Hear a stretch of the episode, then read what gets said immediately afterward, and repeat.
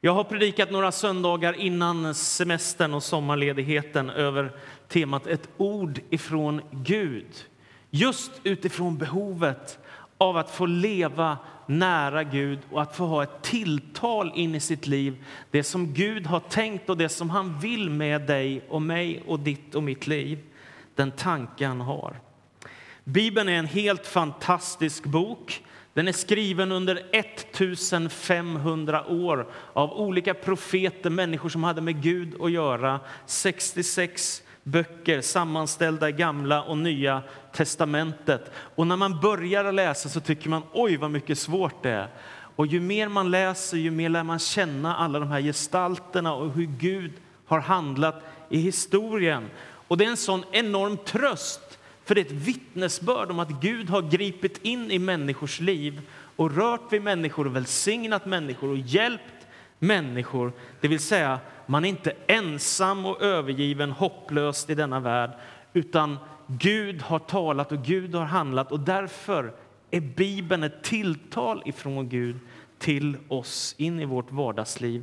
Ett trösterikt budskap om att Gud bryr sig, att han älskar och att han vill något med vårt liv. Därför tänker jag alltid att öppna den här boken, det är att träda in i den stora verkligheten. En del människor tänker att tar man Bibeln på allvar, då blir man religiöst inkrökt och en mindre människa som måste följa massa lagar och bud. Jag tänker precis tvärtom. Det är ju här det stora finns. Det är här de väldiga perspektiven är. Att man får öppna på dörren till Guds rike och ha med universums skapare att göra. För mig är det ofattbart stort. Och jag tänkte att vi idag ska göra några nedslag i profeten Elias liv i Gamla testamentet. Och när vi läser om honom så ser vi att han levde i en oerhört svår tid. Men Gud ger honom ett ord från himlen och han träder upp som profet för Israels folk. Och det är där vi ska läsa om precis innan det händer. Första Kungaboken kapitel 16 och vers 29. Första Kungaboken kapitel 16 och vers 29. Kung Akav, Omris son, blev kung över Israel under Asas 38 regeringsår i Juda. Och han regerade i 22 år i Samaria. Akav gjorde det som var ont i Herrens ögon mer än alla sina företrädare. Inte nog med att han begick samma synder som Jerobiam, Nevats son. Han gifte sig dessutom med Isabel, dotter till fenikiernas kung Etbal och började tjäna Bal och tillbe honom. Han reste ett altare åt Bal i Balstemplet och han hade byggt det i Samaria. Och Akav läst också göra en asrapåle och mer än alla de som före honom hade varit kungar över Israel handlade han så att han väckte Herrens, Israels Guds vrede. Och på Akavs tid återuppbyggdes Jeriko av Hiel från Betel. Att lägga grunden till staden kostade honom hans förstfödde son Aviram. Och att resa porten kostade honom hans yngste son Segub så fullbordades det som Herren hade sagt genom Josua, Nuns son. Vi befinner oss på 800-talet före Kristus i Israels land.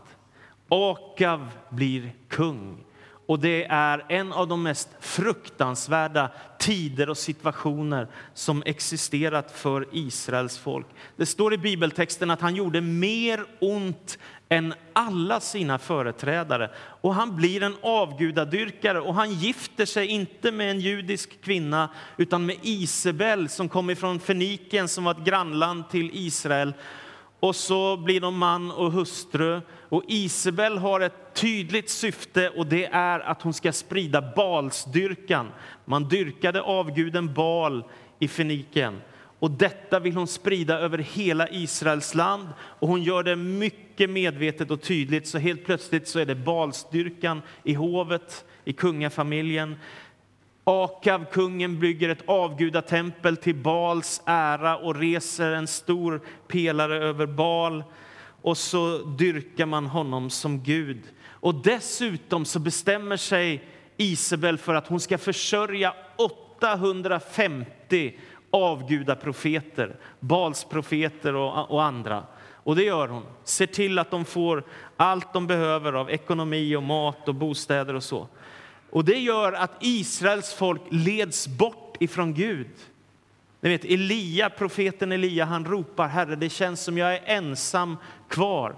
Men det fanns ett antal tusen människor som fortfarande dyrkade Gud och bekände sig till Israels Gud. Men Israels folk går på villovägar på grund av kungen och drottningen som leder dem in på den här vägen. Bal var en fruktbarhetsgud som dyrkades alltså i Fenikien och som hade makt över väder och vind och sådär. Så tänkte man om guden Bal. Och så är de framgångsrika Akav och Isabel. Och i denna fruktansvärda katastrof av ondska och avguderi som profeten Elia träder fram. Och jag tycker det är fantastiskt att läsa om honom. För han kommer som från ingenstans, men han har fått ett ord ifrån Gud och Gud talar in i hans liv. Och så säger han till Elia, Elia, det kommer inte att regna på över tre år på grund av den ondska som Akav och Isabel har utfört i detta land och det avguderi som de har infört i landet. Och Elia, han är modig. Han går till kung Akav och så säger han i det sjuttonde kapitlet och den första versen. Så sant Herren lever, Israels Gud som jag tjänar. Under de närmaste åren ska det varken falla dagg eller regn eller annat från himlen än på min befallning. Det är en enormt tuff utmaning att gå till kungen och säga någonting sånt över Israels folk. Och det gör han. Inget regn kommer att falla på tre år. Och Elia ger sig därifrån. Han får ett tilltal från Gud att sätta sig vid bäcken Kerit för att han ska kunna få vatten och mat och att Gud ska kunna välsigna honom på det sättet. Han utmanar avguderiet på dess svagaste punkt. För man tänkte sig att Bal hade makt över väder och vind, alltså regn och sol och moln och himlens skyar och allt detta.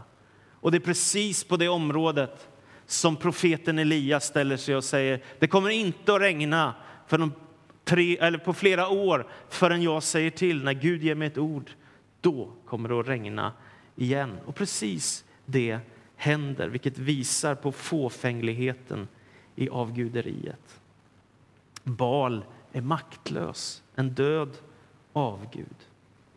I sommar på vår resa i Grekland så har vi en släkting, min svärmor har en kusin som bor i Katerine i norra Grekland och det ligger precis vid berget Olympus. Olympus är ett nästan 3000 meter högt berg och vi åkte upp på över 1000 meter och satt där och åt tillsammans. Fantastiskt vackert. I alla fall så när vi kom ner därifrån så såg vi att det fanns ett museum och I det här museet så fanns det massa gamla statyer och skulpturer och grejer ifrån antikens tid i Grekland.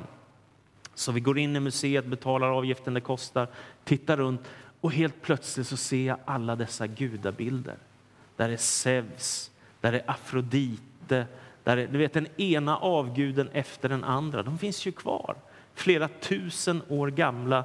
Och så tänker jag mig in i situationen Paulus han måste ha haft en liknande situation som Elia. Han kommer till ett folk som har så många avgudar. De har byggt sina egna skulpturer för att dyrka andra gudar än den enda sanne guden. Och det är lite obehagligt att stå framför helt vanliga människogjorda skulpturer och tänka sig att människor på allvar har dyrkat de här som Gud, som Zeus, som Baal, som andra. Ja, ni förstår i historien. Samtidigt så tänkte jag också så här att ja, det må hända att de här har blivit dyrkade, men nu står de på museum. Det gillar jag. Där hör de hemma. Om de nu överhuvudtaget ska få finnas kvar så är de på museum.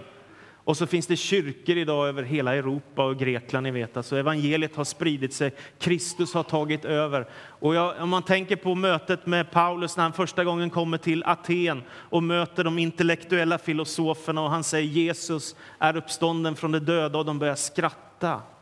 Men du vet idag det finns hur många kyrkor som helst i Aten. Evangeliet har tagit över. Avguderiet är borta på det sättet och Jesus Kristus är Herre. Också vi lever i en tuff tid, i alla fall om man ser globalt ut över vår värld så är det mycket lidande och mycket ondska.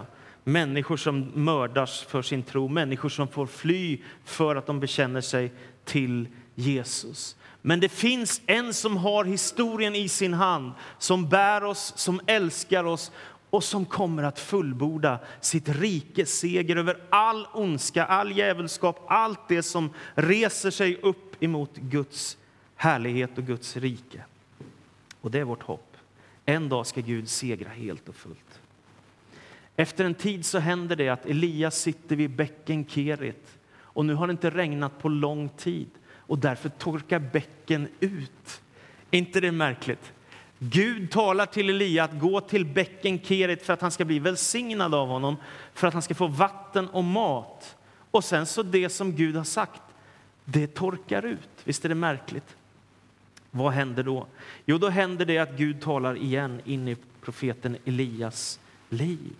Och vad gör han? Man skulle kunna tänka sig att Gud nu skickar Elia till någon av de rikaste i Israel för att bli välsignad och sitta där vid dignande bord och njuta av en vacker bostad eller något sånt. Men det gör han inte.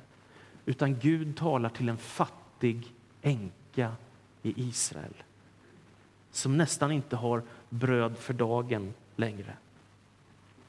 Och sen så säger han till Elia, gå till den fattiga änkan i Sarefat. Och det gör han. Han ger sig av på en lång vandring från bäcken Kerit till Sarefat som ligger i norra Israel. Och när han kommer dit så möter han änkan. Och denna änka säger när han kommer, jag har nästan ingenting kvar alls. Och då säger Elia, baka mig ett bröd så ska jag be att Gud välsignar dig och din son och att ni ska få det som ni behöver. De hotas av svält och död. Så fattig är denna änka. Och så ber Elia om välsignelser över deras hem. Och Gud hör Elias bön och svarar på Elias bön. Och han välsignar deras hem så att de får mat, så att de klarar sig och överlever. Gud visar sin godhet mot en fattig änka i Sarefat och skickar den berömde profeten till henne. Jag tycker det är fint. Det står ofta i Bibeln att Gud har ett särskilt hjärta för faderlösa och för änkor. Visst är det fint? Gud har ett särskilt hjärta för faderlösa och för änkor. Det står många gånger i Bibeln. Och jag tänker att när livet är riktigt svårt då kan Gud välsigna oss på ett sätt som vi aldrig någonsin hade kunnat föreställa oss. Det är märkligt. Tänk på denna fattiga änka. Hon gick mot döden antagligen med sin lille son och visste inte vad hon skulle göra. Helt plötsligt så står profeten Elia där och välsignar henne och hon får det som hon behöver för sitt liv. Gud är trofast. Så går tiden. Nu talar Gud in i Elias liv igen.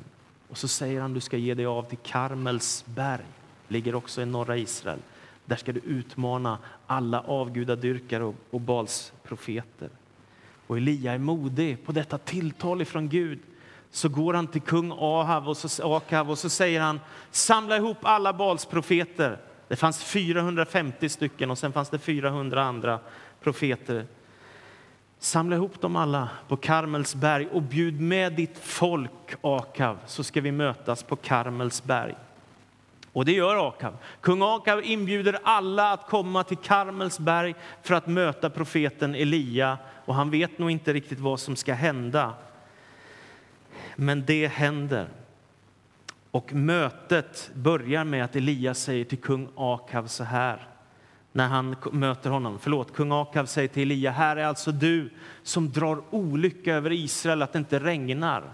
Och då konfronterar Elia honom igen och säger, nej det är du Akav som drar olycka över Israel därför att du tillåter så mycket ondska och avguderi. Det är därför som ni har blivit straffade. Och så kommer tiden när man möts på Karmels bergs topp. Och så säger profeten Elia när de 450 avgudadyrkarna och Balsprofeterna är där och folket ifrån Israel och kungen och alla. Hur länge ska ni hålla på och inte veta vilket ben ni ska stå på. Är det Herren som är Gud, så följ Herren. Och är det Bal som är Herre, så följ Bal. Och så står han där ensam mot 450 avgudadyrkare på ett berg i Israel. Och sen så säger han, nu ska ni bygga en vedhög och det ska jag också göra. Och så tar vi varsin tjur och så slaktar vi dem som offerdjur. Och sen så, så börjar ni som är flest att ropa till Bal. Och om ni får bönesvar så vet vi att det är Bal som är Gud. Sen ska jag också ropa till Herren och är det Herren som svarar så vet vi att det är Herren som är Gud. Och så börjar de ropa Balsprofeterna tidigt på morgonen och de ropar om eld ifrån himlen, att vedhögen ska antändas och att Bal ska höra deras bön. Ingenting händer. Tiden går och det blir eftermiddag och då säger Elia till dem, ropa högre. Han är väl Gud, men han har väl sitt att sköta. Han kanske har gått avsides eller han kanske är ute i något ärende. Kanske sover han och måste vakna först. Och ni kan tänka er situationen och det blir profetisk extas, står det bland de här Balsprofeterna. Och de börjar ropa och skrika och hoppa och till sist så skär de sig med knivar för att Bal ska höra deras bön och svara på deras bön. Och ingenting händer. Dagen går, inget svar kommer. Då samlar Elia ihop folket kring sin vedhög. Och han bygger ett altare åt Gud som ju har blivit nedrivet i Israel. Sen samlar han ihop veden, styckar tjuren. Sen ber han om att komma med fyra krukor fyllda av vatten och hälla på veden. Och när de har gjort det så säger han en gång till och så kommer de med fyra krukor till och häller och sen säger han en gång till. Och så kommer de med fyra krukor till och helt plötsligt så är den här vedhögen genomsur av vatten och det rinner vatten både över hela vedhögen och ner mot Herrens altare som Elia har rest. Sen vänder han sig till himlens Gud och så ber han. Herre, Abrahams, Isaks och Israels Gud Låt det idag bli uppenbart att du är Gud i Israel, att jag är din tjänare och att det är på din befallning jag har gjort detta. Svara mig, Herre, du som är Gud. Och på den bönen hör Israels Gud och han sänder eld från himlen, står det och antänder den här vedhögen som Elia har byggt upp som är alldeles översvämmad av vatten så att både offerdjuret och veden och allting brinner upp och vattnet torkar ut. Gud svarar på bön med eld. Och folket ropar Herren är det som är Gud. Herren är det som är Gud och folket förstår att de har med den enda sanne guden att göra. Jag tänker ibland också att det är så här att ibland får du och jag vara med om stora framgångar eller stora segrar i vårt liv. En dörr öppnas som vi inte hade kunnat tänka oss. Välsignelse kommer som vi inte var förberedda på. Någonting stort händer som vi aldrig hade tänkt oss. Eller det där jobbet du hade tänkt det kommer jag aldrig kunna få. Du får det. Alltså ni vet sådana här stora stunder i livet. Då är det viktigt att komma ihåg att Gud är den som ska ha äran. Att han är den som är alla goda gåvors givare från himlen. Och Det står i Första Johannes brev 5 och 15. Vi vet att han hör oss. Jag tycker det är så fantastiskt. Vi vet att han hör oss. Inte vi hoppas att han hör oss, utan vi vet att han hör vad vi ber om. Det är en stor trygghet. Profeterna segra, besegras fullständigt och de straffas med döden. Det är naturligtvis en smärtsam händelse. Sen så går kung Elia till kung Akav och så säger han Jag hör regnet komma. Jag tycker han är obegripligt modig, den där Elia. Det har inte regnat på flera år nu. Det är hungersnöd och torka i landet. Och sen säger han när han har segrat över avgudadyrkarna och Balsprofeterna. Jag hör regnet komma. Elia går upp på toppen av Karmels berg. Sen så böjer han sina knän och lägger sitt huvud mellan knäna. Och så ropar han till Gud om regn för sitt land och för sitt folk. Och han har med sig en tjänare och han ber sin tjänare gå bort och titta ut över himlen där från bergets topp om han kan se något moln på himlen. Men det är helt klart, soligt och fint, inte ett moln någonstans. Så han böjer sig igen och ber till Gud och ropar till Gud. Och så skickar han iväg sin tjänare och frågar ser du någonting och tjänaren kommer tillbaka och ser ingenting. Det är soligt och fint, det är en vacker dag. Och så gör Elia sju gånger. Och den sjunde gången, när han har bett sju gånger till himlens Gud, så ser hans tjänare en liten målsgrej. så. Inte större än en hand, säger han. Och nu vet Elia att Gud håller på att svara på hans bön. Så nu så skickar han bud till kung Akav och så säger han nu kommer regnet, gör dig beredd, res hem till ditt eh, palats så att du inte drabbas av ett fruktansvärt regnväder. Och medan tjänaren springer ner för berget och säger det så blir det alldeles mörkt på himlen och ett otroligt skyfall bryter loss. Och det är ett mäktigt bönesvar som Elia får. Och regnet, vattnet kommer tillbaka, hungersnöden försvinner, torkan är borta och skyfallet bryter loss. Det är märkligt, varför skulle han be sju gånger? Har ni funderat på det? Jesus säger en gång också, ser du till en man som han ber för som han vill ska bli frisk? Nej, det är skuggigt. Så ber han en gång till och så blir han frisk. Det är märkligt, varför skulle han be sju gånger? Och jag har inte en aning. Jag vet inte, jag kan inte förstå det här. Bön är ett mysterium. Ibland svarar Gud så här fantastiskt, va? som för Elia på Karmelsberg med eld ifrån himlen. Och ibland så ber man sju gånger innan någonting händer, va? eller ibland ber man ännu fler gånger. Man får kämpa med tron. Jag tycker ändå att det är trösterikt att den profet som Gud hade sänt, som hade liksom så med Gud att göra och som fick ett sånt ofattbart bönesvar på Karmelsberg, att han sen fick kämpa i bön på knä och han fick inte bönesvar direkt, men han hade bett sju gånger. Då var segern där.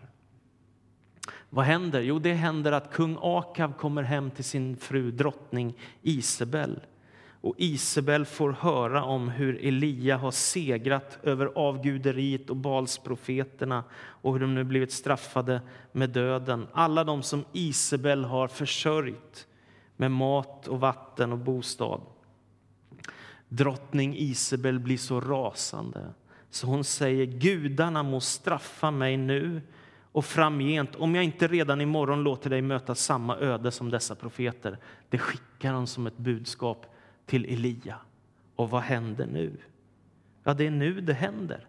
Elia som har gått med ett profetiskt budskap till Herren säger du kommer inte få regn över landet för du har dratt oss in i avguderi och ondska och lidande för människor.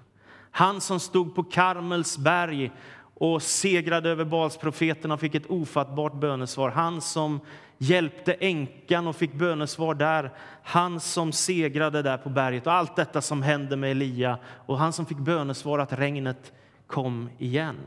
Nu blir han hotad av drottningen. Vad händer då? Jo, han blir livrädd och han flyr iväg ifrån staden. Han ger sig en hel dagsled rakt ut i öknen. Och så sätter han sig under en ginstbuske. Och vet du vad han gör? Han önskar sig döden. Han vill inte leva längre, så han säger nu till Gud i bönen, han som har segrat så ofattbart. Det är nog, Herre. Ta mitt liv. Herre, jag är inte bättre än mina fäder. Och så lägger han sig ner och somnar under ginstbusken. Han som har varit en av de största profeterna i Israels historia som har vågat utmana hela avguderiet i en av de mest fruktansvärda tider som Israel har levat i. Han ligger nu under en ginstbuske i öknen och önskar att han dör. Märkligt. Va? Han fruktar för sitt liv, han är livrädd för Isabel. Och jag tänker, han som vet att Gud är trofast nu när han prövas på allvar av en drottning som dyrkar en annan gud, då blir han livrädd. Han blir så rädd att han flyr till öknen. Denne gudsman som segrats över hundratals Baals profeter. Tänk att en troshjälte, en av de stora giganterna i Israels historia, önskar sig döden. Jag kan förstå honom också. Han är bara en människa. Han är inte som Kristus, gudomlig som gudason, utan han är bara en människa, en profet. Så tänk när svåra motgångar kommer och man är utarbetad och utmärglad och överansträngd och varit i stora konfrontationer och konflikter, att man är slut. Att man inte har så mycket kraftresurser kvar. Kanske är han helt utmattad och fylld av fruktan. Och då tänker jag, ibland när svåra saker kommer i vår väg då är det lätt att glömma bort Guds storhet och Guds godhet och Guds trofasthet och bara fokusera på svårigheter, eller hur? Visst är det lätt att tappa perspektiven snabbt? Va? Från det här Gud, du som har skapat universum och som älskar mig och välsignar mig och frälser mig och hjälper mig. Helt plötsligt så är det som att bara den här lilla, lilla, lilla delen av mitt liv, den tar all tid, all tankemöda, allt utrymme. Och när det blir så, då blir man nedstämd och när man blir väldigt nedstämd så blir man deprimerad. Och när man blir deprimerad, ni vet, det går ner för. Och så blir livet fruktansvärt mörkt och det är jättesvårt att tro att det finns något ljus i tunneln framöver. Och man tänker, jag kommer bara ha elände och mörker framöver. Jag önskar mig döden. Men då är det viktigt att påminna sig om Guds stora godhet och trofasthet. En av mina vänner, Lars-Lisa Andersson, han har skrivit en sång och den lyder så här. När livet är tufft. Håll ut, håll ut. Jag ska aldrig lämna dig. Jag ska visa en väg för dig när allting känns tungt. Du undrar hur det ska gå när livet känns svårt och ingen hjälp finns att få. Då tar han din hand och leder dig fram. Så ge inte upp, håll ut. När du känner dig ensam, ingen hör och ingen ser, när livet känns hårt och kallt och ingen mot dig ler, då finns han där. Han ser hur du mår.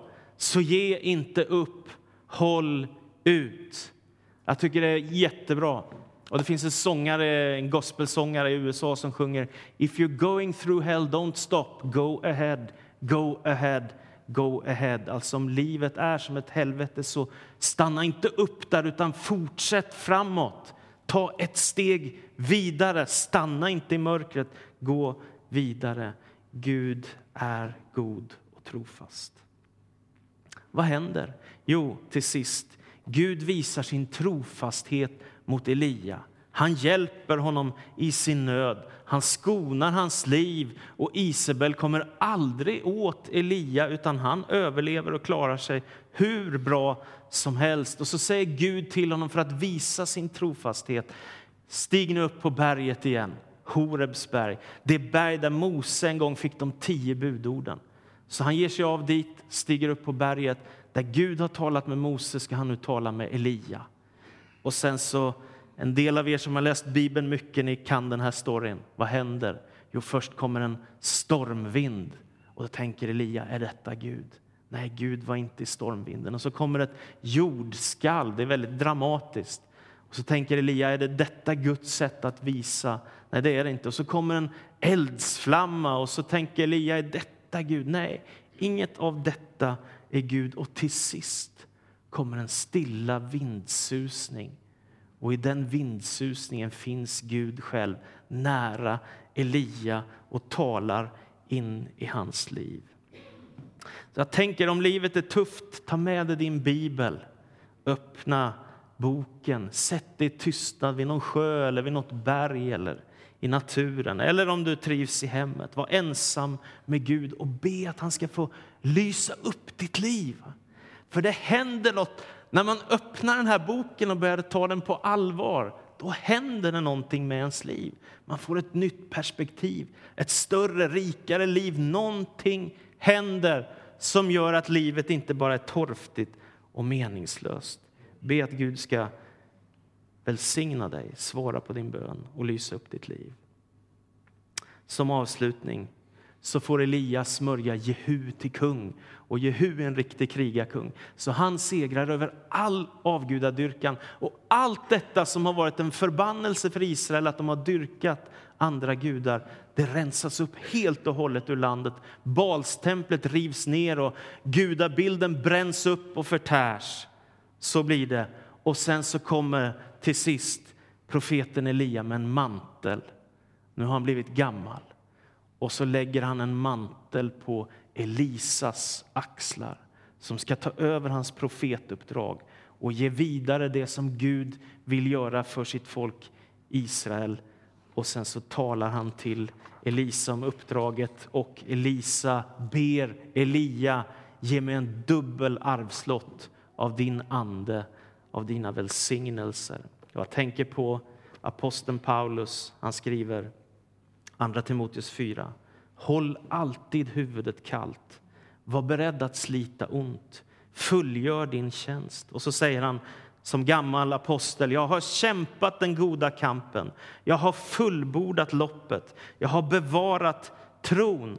Och nu väntar mig rättfärdighetens segerkrans som Herren, den rättvise domaren, ska ge mig den dagen. Och inte bara mig, utan alla som längtar efter hans ankomst. Amen. Så ber jag dig, himmelens och jordens skapare att du skulle låta ditt ord få skina in i våra hjärtan, i vardagen, Herre. I de små enkla bestyren när vi lagar vår frukost eller när vi är på arbetet eller i skolan eller på semestern eller eller när vi gläder oss över framgångar, att vi har blivit föräldrar eller fått ett nytt arbete, eller när livet bara är gott och solen skiner, eller på utlandssemestern, eller vad det nu är. Men så ser du också att det finns tider som är svåra, Herre, när vi får kämpa, när det är mörkt, när sjukdom och sorg och lidande och svårigheter och prövningar möter oss, Herre. Men tack för att du alltid är med oss, Herre.